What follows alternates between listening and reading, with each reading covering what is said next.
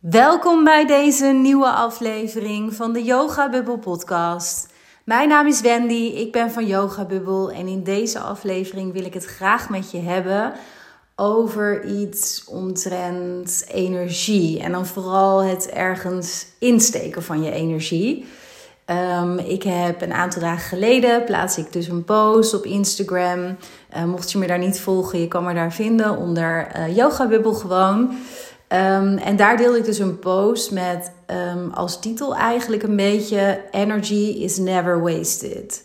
En ik merkte dat daar best veel reactie op kwam. Ik kreeg reacties onder de post, maar ik heb ook veel DM's over die post van mij ontvangen. En mensen die zich afvroegen van hoe zit dat precies? Hoe kijk je daar dan naar? En um, ik heb bijvoorbeeld heel lang in uh, een bepaalde situatie gezeten. Dat kon een carrière zijn, een relatie. Ik kreeg verschillende van dat soort berichtjes. En voor mij voelt het nu echt alsof ik mijn tijd heb verspild en verdaan. En nou ja, dat mijn energie dus wel uh, verspild is geweest al die jaren, al die tijd. Um, en ik kijk daar toch echt anders naar. En juist omdat er dus wat reactie op kwam en ja, mensen daar dus ook vragen over hadden, et cetera, um, leek het me leuk om hier ook een podcastaflevering over op te nemen. Dus bij deze.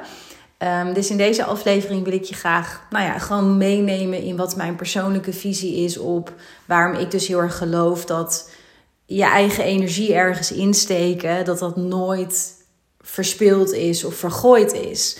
Uh, ongeacht wat er uiteindelijk wel of niet gebeurt in die situatie. En ik zal daar ook een aantal voorbeelden in geven uit mijn eigen leven. Betekent overigens niet um, dat ik niet zelf ook wel met regelmaat in mijn leven momenten heb gehad dat ik heb gedacht: wat heeft dit voor zin gehad? Wat heb ik al die jaren gedaan? Wat zonde van mijn tijd, van mijn energie, van mijn liefde, van het geven, van alles. Natuurlijk heb ik dat soort momenten ook gekend en lijkt me dat ook heel menselijk. Ik ben echter de afgelopen jaren daar echt heel anders naar gaan kijken. Wat gewoon helemaal parallel ook loopt, meeloopt met de persoonlijke groei die ik zelf heb doorgemaakt. Uh, omdat ik nu gewoon veel meer kijk um, op een bijna, laat ik zeggen, organische manier naar het leven. Dat alles constant in beweging is. En um, dat het niet zo is dat omdat jij op een bepaald punt voor jezelf bijvoorbeeld tot de conclusie komt dat een relatie voor jou niet meer werkt, dat je ongelukkig bent, dat je gewoon, nou ja, misschien ook niet meer van die ander houdt, wat het maar exact is, hè, wat, er, wat maakt dat je op dat punt komt. Um, en stel je bent tien jaar bijvoorbeeld samen geweest met, met je partner op dat punt. Dan is het niet zo dat omdat jij beslist van nou het stopt hier, uh, onze relatie die, ja, die is gewoon ten einde nu. Dat dan die tien jaar dus weggegooid zijn. Überhaupt niet, want uh, op zo'n moment, en dat vind ik ook al heel belangrijk om even te onderstrepen. Op zo'n moment als je zo zou kijken dan bagatelliseer je eigenlijk die hele relatie tot dat ene punt, tot dat ene moment in je leven, in de tijd, dat jij hebt besloten: het werkt voor mij niet meer. Ik hou niet meer van hem of haar en het stopt hier voor mij. En dat is natuurlijk ongelooflijk jammer en zonde. En het doet dus ook, denk ik, nooit recht aan, ja, aan in dit geval zeg maar de relatie die je ook tien jaar met een ander hebt gehad. En waarin het ook uh, ga ik dan even vanuit, ook heel goed is geweest en mooi is geweest en fijn is geweest. Op het moment dat je het echt alleen maar beoordeelt op dat punt dat je er klaar mee bent en eruit stapt, dan doe je daar denk ik helemaal geen recht aan. En ook geen recht aan jezelf en niet aan die ander. En dit is een voorbeeld van een relatie, maar dat geldt voor mij ook in carrière. Want um, dan ga ik dus ook meteen eventjes naar een heel praktisch voorbeeld uit mijn eigen leven. Ik nam heel even een slokje koffie tussendoor. Um, als ik bijvoorbeeld naar mezelf kijk, um, dan heb ik, nou, iets van 12 jaar, denk ik. Heb ik in een carrière gezeten die op dat moment ook enorm goed bij mij paste. Um, een klein stukje achtergrond daarbij ook. Ik heb altijd goed kunnen leren. Ik vond leren en vind leren over nieuwe dingen, maar gewoon nieuwe dingen eigen maken, zeg maar, vind ik heel erg leuk. Ik heb dat altijd leuk gevonden. Dus het was bij mij een hele logische keus dat ik na het ateneum naar de universiteit ging. Um, dat ik daar een studie ging doen. Um, nou ja, die vrij breed ook was. Uh, die me heel veel kanten op kon brengen in het bedrijfsleven. Want dat was voor mij eigenlijk vanaf dag één duidelijk dat ik het bedrijfsleven in wilde. En na mijn studie, toen rolde ik eigenlijk een beetje zo een management traineeship in. Hè, voor degene die dat niet kennen, dat is eigenlijk een soort van, nou ja, vrij, uh, een soort van poeltje zal ik maar willen zeggen. Waarin je met, ja, over het algemeen met een aantal uh, mensen zit. Ze noemen dat dan vaak high potentials. Ik heb een beetje een hekel aan het woord, want nou ja, dat is misschien voor voor een andere podcast. Maar ik kijk daar heel anders naar. Ik heb altijd heel anders naar uh, opleiding of juist veel meer in de praktijk, zeg maar. Um, nou, met je handen werken of in de praktijk, zeg maar, je ervaring opdoen. Ik heb daar nooit, omdat ik ook uit een gezin kom waar niemand eigenlijk een hoge opleiding had genoten, ben ik daar ook heel anders in opgevoed. En heb ik mezelf ook nooit als een soort high potential daardoor per se gezien. Ik vind dat echt de grootste onzin. Maar goed, nogmaals, dat is een beetje voor voor een andere podcast, denk ik. Um, maar het maakte wel gewoon omdat ik een, een stel hersens heb wat uh, nou ja, daar blijkbaar bij past. kwam ik in zo'n poeltje terecht. Kon ik een jaartje eigenlijk op allerlei afdelingen binnen een heel groot internationaal bedrijf van alles een beetje proeven. Ontdekte ik al heel snel dat mijn hart sneller ging kloppen van marketing. En dan vooral het uh, psychologische aspect erachter. Hè. Wat maakt nou dat iemand voor een product kiest en voor jouw product kiest en niet dat van een uh, tegenstander, of tegenstander, sorry, concurrent. Um, ja, daar ben ik me echt meer in gaan verdiepen. En in de positionering van merken. Dus echt wel meer het psychologische aspect eigenlijk. Um, en daarna reeg mijn carrière, zoals ik dat zelf een beetje zie, zich aan één. En heb ik nog twee keer over in die twaalf jaar een stap gemaakt naar een ander bedrijf. Um, ben ik op hele jonge leeftijd ook terechtgekomen in het managementteam van, een, uh, van het laatste bedrijf waar ik voor gewerkt heb. Stuurde ik een best wel groot team aan.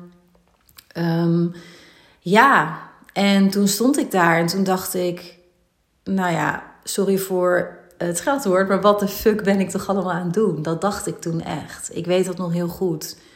Dat ontstond ook omdat ik, um, nou, ik denk toen ik tien jaar werkte, toen zijn wij een jaar gaan reizen. En ja, je komt dan terug van die wereldreis en je bent echt een jaar soort van compleet uitgezoomd uit je dagelijkse leven. En dat maakt ook gewoon per definitie, bij mij tenminste wel, maar ik hoor dat wel bij meer mensen die iets vergelijkbaars hebben gedaan. Dat maakte voor mij heel erg dat ik met een ander perspectief naar mijn leven ging kijken. En dat ik me besefte dat het meer dan ooit, laat ik het zo zeggen. Want ik heb me altijd beseft dat het leven kostbaar is. Omdat, ja, alleen omdat ik mijn moeder op jonge leeftijd uh, ja, heb verloren. Um, was ik al vrij jong heel bewust van sterfelijkheid. En van het belang van alles uit het leven halen. En toch was ik in een soort trap terechtgekomen. Die in mijn geval ook niet als een trap voelde, omdat ik namelijk mijn werk en mijn carrière en de studie die daaraan vooraf ging en het leren en het mezelf allerlei dingen eigen maken, heel toegewijd zijn ook daaraan. Dat heb ik allemaal als heel leuk ervaren en heel positief. Ik kijk daar ook nog steeds nu, heel veel jaren later, met heel veel, nou ja, positiviteit eigenlijk op terug. Dus Um, maar ik weet nog wel dat ik toen dus na die wereldreis dacht: wat de fuck ben ik aan het doen? Ik um, ben meer dan 40 uur aan het werk voor een werkgever, waar ik meer geld maak voor de werkgever. Wat draag ik eigenlijk bij? Wat zet ik zelf ook in de wereld? Of eigenlijk dus helemaal niet. Um, nou, dat waren wel vraagstukken die bij mij ook vasthingen aan nou ja, andere meer existentiële vraagstukken bijna. Hè? Van, van wat kom je hier doen? Uh, waar word je blij van? Wat, wat vervult je eigenlijk? En daar sloot dit heel erg bij aan. En ik um, even flash forward om dus ook even weer naar deze aflevering, het onderwerp helemaal terug te gaan. Maar daarvoor is deze achtergrond denk ik wel even belangrijk om uh, te kennen, te weten.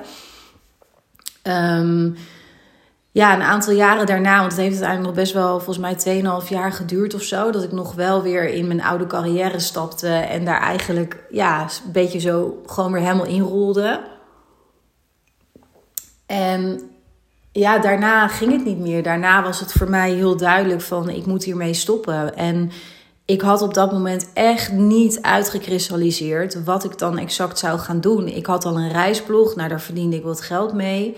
Dus daar wilde ik het voornamelijk mee gaan doen. En ik ben op dat punt dus ook de opleiding uh, tot yogadocent uh, gaan doen. Dat heeft bij mij heel veel in gang gezet. Ik ben mijn yoga-events gaan organiseren. Yoga-bubbel ontstond. Nou ja, toen is er wel wat in gang gezet. Alleen dat was helemaal niet heel erg uitgekristalliseerd. Zeker niet op dat punt dat ik mijn baan dus opzij. En eigenlijk, nou ja, mijn vriendinnen begrepen mij en Maurice die begreep me heel goed en die steunde me ook heel erg daarin. Maar zoals mijn vader, mijn familie, nou ja, ik, dat was wel ook een les die ik te leren had. Dat ik moest blijven staan voor wat voor mij klopte. Want in bijvoorbeeld het oog van mijn vader gooide ik gewoon mijn glazen helemaal in. Gooide ik een glansrijke carrière gewoon in de prullenbak. En zou het nooit meer goed komen met mij, zeg maar. Op een bepaalde manier. Ehm, en ik zie nu wel waar dat mee te maken had. Want dat had natuurlijk alles of dat heeft alles te maken met dat nou, hij sowieso heel anders in elkaar steekt dan ik. Maar ook gewoon vanuit zijn zorgzaamheid voor mij. En dat was een beetje gebaseerd op zijn eigen angsten. Dat op mij projecteerde. Dus ik zie echt wel ja, waar dat vandaan kwam. Maar ik probeer maar aan te geven dat het op dat moment voor mij heel makkelijk was geweest om naar nou ja, naar, op dat punt naar mijn carrière te kijken als jeetje, ik gooi het inderdaad weg en uh, dat is het dan. Verspilde energie. En toch zag ik dat niet zo. Ik zag en zie dat niet zo. Omdat als ik nu in hindsight, zoals we dat zo mooi zeggen in het Engels, terugkijk. Maar dat heb ik al die tijd ook gezien en geweten en gevoeld. En ik hoop je daar ook een klein beetje mee te kunnen inspireren of te motiveren om, als jij zelf bij jezelf merkt, of dat nou over een carrière of over een relatie, over wat dan ook gaat, vriendschappen, um, familiebanden, waar je heel veel energie in hebt gestoken. En op een bepaald punt beslis je, ik stop hier gewoon mee. In welke vorm dan ook, hè. Maar dat je dan toch op een hele positieve, bekrachtigende manier naar al die jaren daarvoor kunt kijken. Want als ik die carrière van mij weer even als voorbeeld gebruik, omdat ik denk dat dat het ook begrijpelijk maakt in hoe ik dan kijk. Ik zag al heel snel dat het gegeven dat ik mezelf bijvoorbeeld staande moest houden in een best wel harde zakelijke wereld, terwijl ik zelf heel nou ja, by nature best wel zacht ben en empathisch. En nou, heel natuurlijk denk ik ook bijvoorbeeld teams aanstuurde. Maar wat niet altijd binnen het bedrijf waar ik op dat moment werkte de standaard manier was. Ik kreeg overigens alle ruimte en steun daarin. Maar het was wel anders. Ik moest me wel staande houden. Dat ik ook al op jonge leeftijd dus teams aanstuurde en dat op een heel coachende manier deed. Omdat ik dat gewoon, ja, daar had ik helemaal niet zo door hoe ik dat deed. Het was ook geen trucje. Het was juist ook heel natuurlijk voor mij. Dat heeft ook enorm veel gebracht. Ik kom zo even op wat het allemaal heeft gebracht hoor. Um, het eindeloos moeten presenteren voor grote groepen, voor boardmembers, internationaal ook in het Engels. Nou ja, dat was natuurlijk de eerste keren, was dat natuurlijk uh, klotsende oksels. Dat was super spannend. En dat bleef het ook tot op een zekere hoogte, want het wel, was altijd wel een moment. Maar daar heb ik zoveel van geleerd, zoveel van geleerd. Um, het zakelijk denken, dus het denken vanuit het bouwen van een business case. En dat klinkt misschien een beetje hard en saai. Maar gewoon de hele gedachtegang die erbij komt kijken van waar steek ik mijn tijd in en levert dat onderaan de streep. Of dat nou in geld is of in plezier of wat dan ook. Hè? Want dat kan in allerlei vormen kan dat uh, voor mij zijn. Uh, maar wel nadenken bij jezelf, waar focus ik op en waar steek ik mijn tijd in? En is dat het waar? Draagt dat bij aan het overkoepelende doel wat ik heb? Nou, dat zijn allemaal zo voorbeelden van mindset, van gedrag, van ervaring die ik heb opgebouwd in al die jaren in mijn nou ja, carrière in het bedrijfsleven. In de jaren die daarna volgden, toen ik voor mijn ondernemerschap ging en geen idee had waar ik aan begon, ehm, heb ik hier altijd op terug kunnen vallen. Altijd. Want mijn allereerste yoga-event Misschien ben jij er wel bij geweest. Dat was in een klein dorpje in de buurt van Apeldoorn. Een prachtige locatie. En ik ben dat gewoon echt letterlijk gaan doen. Ik ben gewoon zelf. Ik had niet eens een website op dat moment. Hè. Ik ben gewoon. Ik ben gewoon iets gaan neerzetten waarvan ik tegen Maurice zei ook: ik wil dat het een dag wordt die ik ook zelf zou willen beleven. En zo geschieden.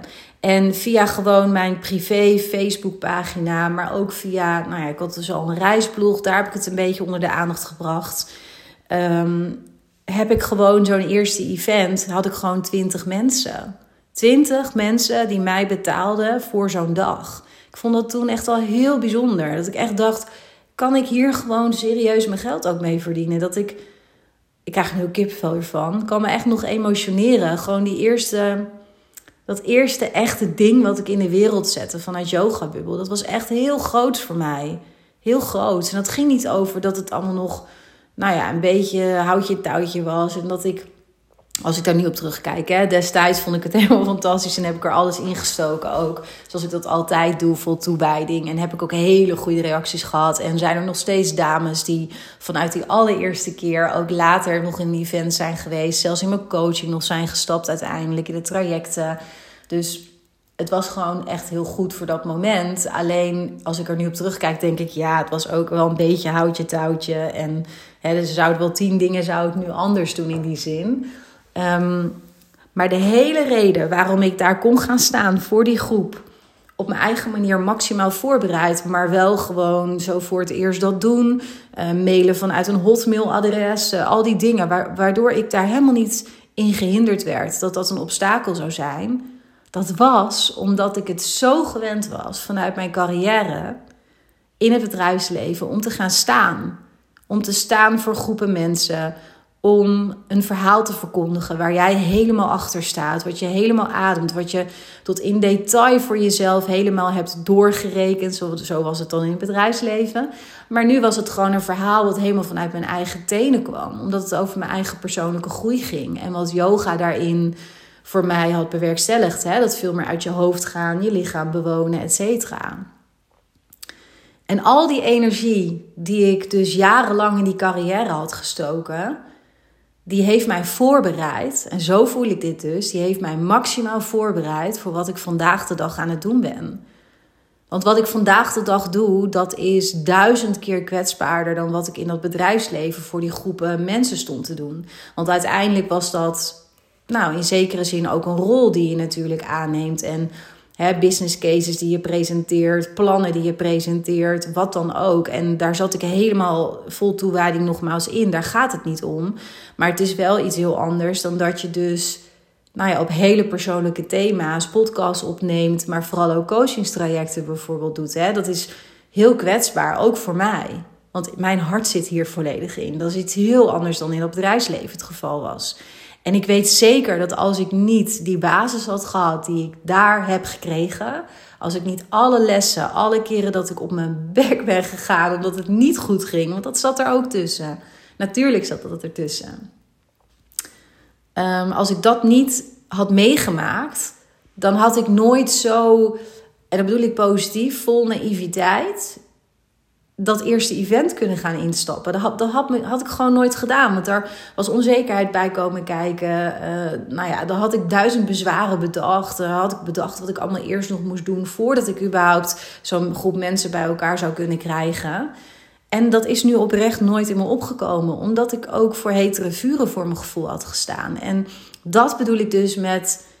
Um, energy is never wasted omdat het alles wat je erin steekt, dat zegt Maurice wel eens, vind ik ook een mooie zin. Alles wat je ergens insteekt, dat komt eruit op het moment dat het eruit moet komen. En dat is hoe ik daar naar kijk. En hetzelfde geldt um, hè, met relaties. Want dat is iets waarin ik ook vaak merk dat mensen dan, als ze dus uit elkaar gaan, dat ze dan denken: ja, maar ja, ik heb gewoon jarenlang in die relatie geïnvesteerd. Wat is dat eigenlijk zonde geweest van mijn tijd? Dan moet je nou kijken waar we nu staan. Terwijl ik dan denk, nee, los van dat je dus, wat ik ook in het begin van deze aflevering al even zei, van ehm, eh, dat het gewoon eigenlijk helemaal geen recht doet aan de relatie en aan wat, wat er ook mooi is geweest waarschijnlijk en goed is geweest. Maar even los daarvan, als ik niet de relaties had gehad die ik heb gehad, dan had ik nooit, never nooit, zo'n type relatie kunnen hebben die ik nu heb met Maurice. Nooit. Want ik moest eerst leren om maximaal mezelf te kunnen zijn in een relatie. Dat ook voor mezelf te wensen. En daarvoor moest ik eerst leren hoe pijnlijk het is als je dat niet kunt zijn. En dat is niet leuk. Dat was afschuwelijk om erin te zitten. En ook het, de hele nasleep. Dat is, nou ja, dat was gruwelijk om in te zitten. Maar het heeft me alles gebracht. Want zonder die les, zonder die inzichten, zonder die strijd, zonder die worsteling, had ik nooit, ja, zeg maar, die urge gevoeld om daadwerkelijk ook zelf naar binnen te keren, andere keuzes te gaan maken, um, mezelf de juiste vragen te gaan stellen en uiteindelijk mezelf ook open te gaan stellen voor een liefde nou ja, die, die meer bijzonder, groter, echter, puurder is dan wat ik ooit had durven dromen wat dat zou bestaan. En dat was nooit op mijn pad gekomen op deze manier, omdat ik dat niet had toegestaan als ik niet eerst mijn lessen had geleerd en al die energie in mijn relaties had gestoken hiervoor. Om uiteindelijk van een koude kermis thuis te komen daarin. He, omdat dat, is dan, dat gaat een beetje te ver voor deze podcast. Plus ik denk dat het, dat het uh, voorbeeld vanuit de carrière al, hoop ik, duidelijk genoeg maakt. Maar ja, de relatie die ik voor Maurice heb gehad en de scheiding die uiteindelijk daaruit voortvloeide. En nou, de pijn die ik daar heb gevoeld. En hè, dat het op een bepaald punt echt um, meer over mij mocht gaan in die relatie. En dat ik alleen maar aan het werk was om ja, mijn ex-partner dat duidelijk te maken. En ik ook gewoon niet begreep dat dat niet kon. Nu snap ik dat wel vanuit hoe hij in elkaar steekt. Maar toen dacht ik alleen maar, maar hè? Hè? Jarenlang, jarenlang heeft het om jou gedraaid en ben ik meegelopen met jou. En ja, ik heb daarin ook plezier gehad en genoten, want zo was het natuurlijk ook. Maar nu, na zoveel jaren, vraag ik één keer om jouw steun om mij te helpen. En nu geef je niet thuis. Sterker nog, nu trap je me nog harder naar beneden. Maak je me nog kleiner. En daar hoef ik nu niet verder op door te gaan, want dat is dus echt, uh, dat gaat denk ik echt nu te ver. Um, maar ik heb daar nooit naar gekeken, ook niet toen het zo pijnlijk was. Heb ik nooit naar gekeken van, oh, wat een zonde van mijn tijd. Nee, want er zit altijd waarde en lessen en inzichten in iets waarmee je weer verder komt, waardoor je andere keuzes kunt maken. Nou, in dit geval ik dus ook een ander type relatie aan kon trekken. En ook hiervoor geldt dus dat de energie die ik erin heb gestoken nooit verspild is. Nooit. Helemaal nooit. Wat wel belangrijk is, en dat is misschien wel mooi om mee af te sluiten, dat is dat het wel zo moet zijn dat je bereid bent om je lessen aan te kijken. En om dus eerlijk te leren van wat er is gebeurd. En dus weer een stap verder te komen in je leven. Nog weer dichter bij jezelf te komen. Of dichter bij je droom. Of dichter bij je doelen. Of wat dan ook. Hè? Op het moment dat jij. Um, nou ja, niet leert van het verleden, niet leert van wat er is gebeurd en niet dingen eerlijk um, reflecteert op jezelf of jezelf eerlijk in de spiegel aandurft te kijken, ja, in dat geval kan ik me wel voorstellen dat het voelt alsof je energie verspild geweest is. Want dan brengt het je ook niet verder.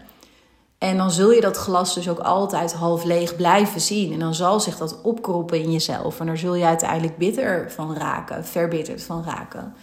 Dus het is wel denk ik heel belangrijk om ja, echt zeg maar ook bij jezelf te kunnen voelen: oh ja, de energie is nooit verspeeld die ik erin steek. Mijn toewijding ook ergens aan is nooit verspeeld. Als dat niet is wat jij wilt dat het is. Als je begrijpt wat ik daarmee bedoel. Dus als jij niet wilt dat jouw energie verspeeld is met die relatie, met die carrière, in die vriendschap, dan hoeft het dat ook niet te zijn. Want dan kun je daarvan leren. En dan kun je dus daarna een betere carrière of een mooiere carrière of een beter passende carrière voor jezelf creëren. En dat geldt ook voor relaties en voor vriendschappen. Dus dat is denk ik wel belangrijk daarbij. Nou, ik hoop dat deze aflevering je misschien op een wat andere manier heeft laten kijken naar het ergens energie insteken of op een bepaald punt komen dat je echt voelt van ik kan hier niet verder mee, maar wat zonde van mijn tijd hiervoor. Nee, pak je lessen, je inzichten eruit en kijk hoe je dat kunt transformeren. Hè? Eigenlijk hoe je die pijn en die shit kunt transformeren tot je eigen goud. En tot nogmaals een, een betere relatie voor jou of een betere carrière of wat dan ook.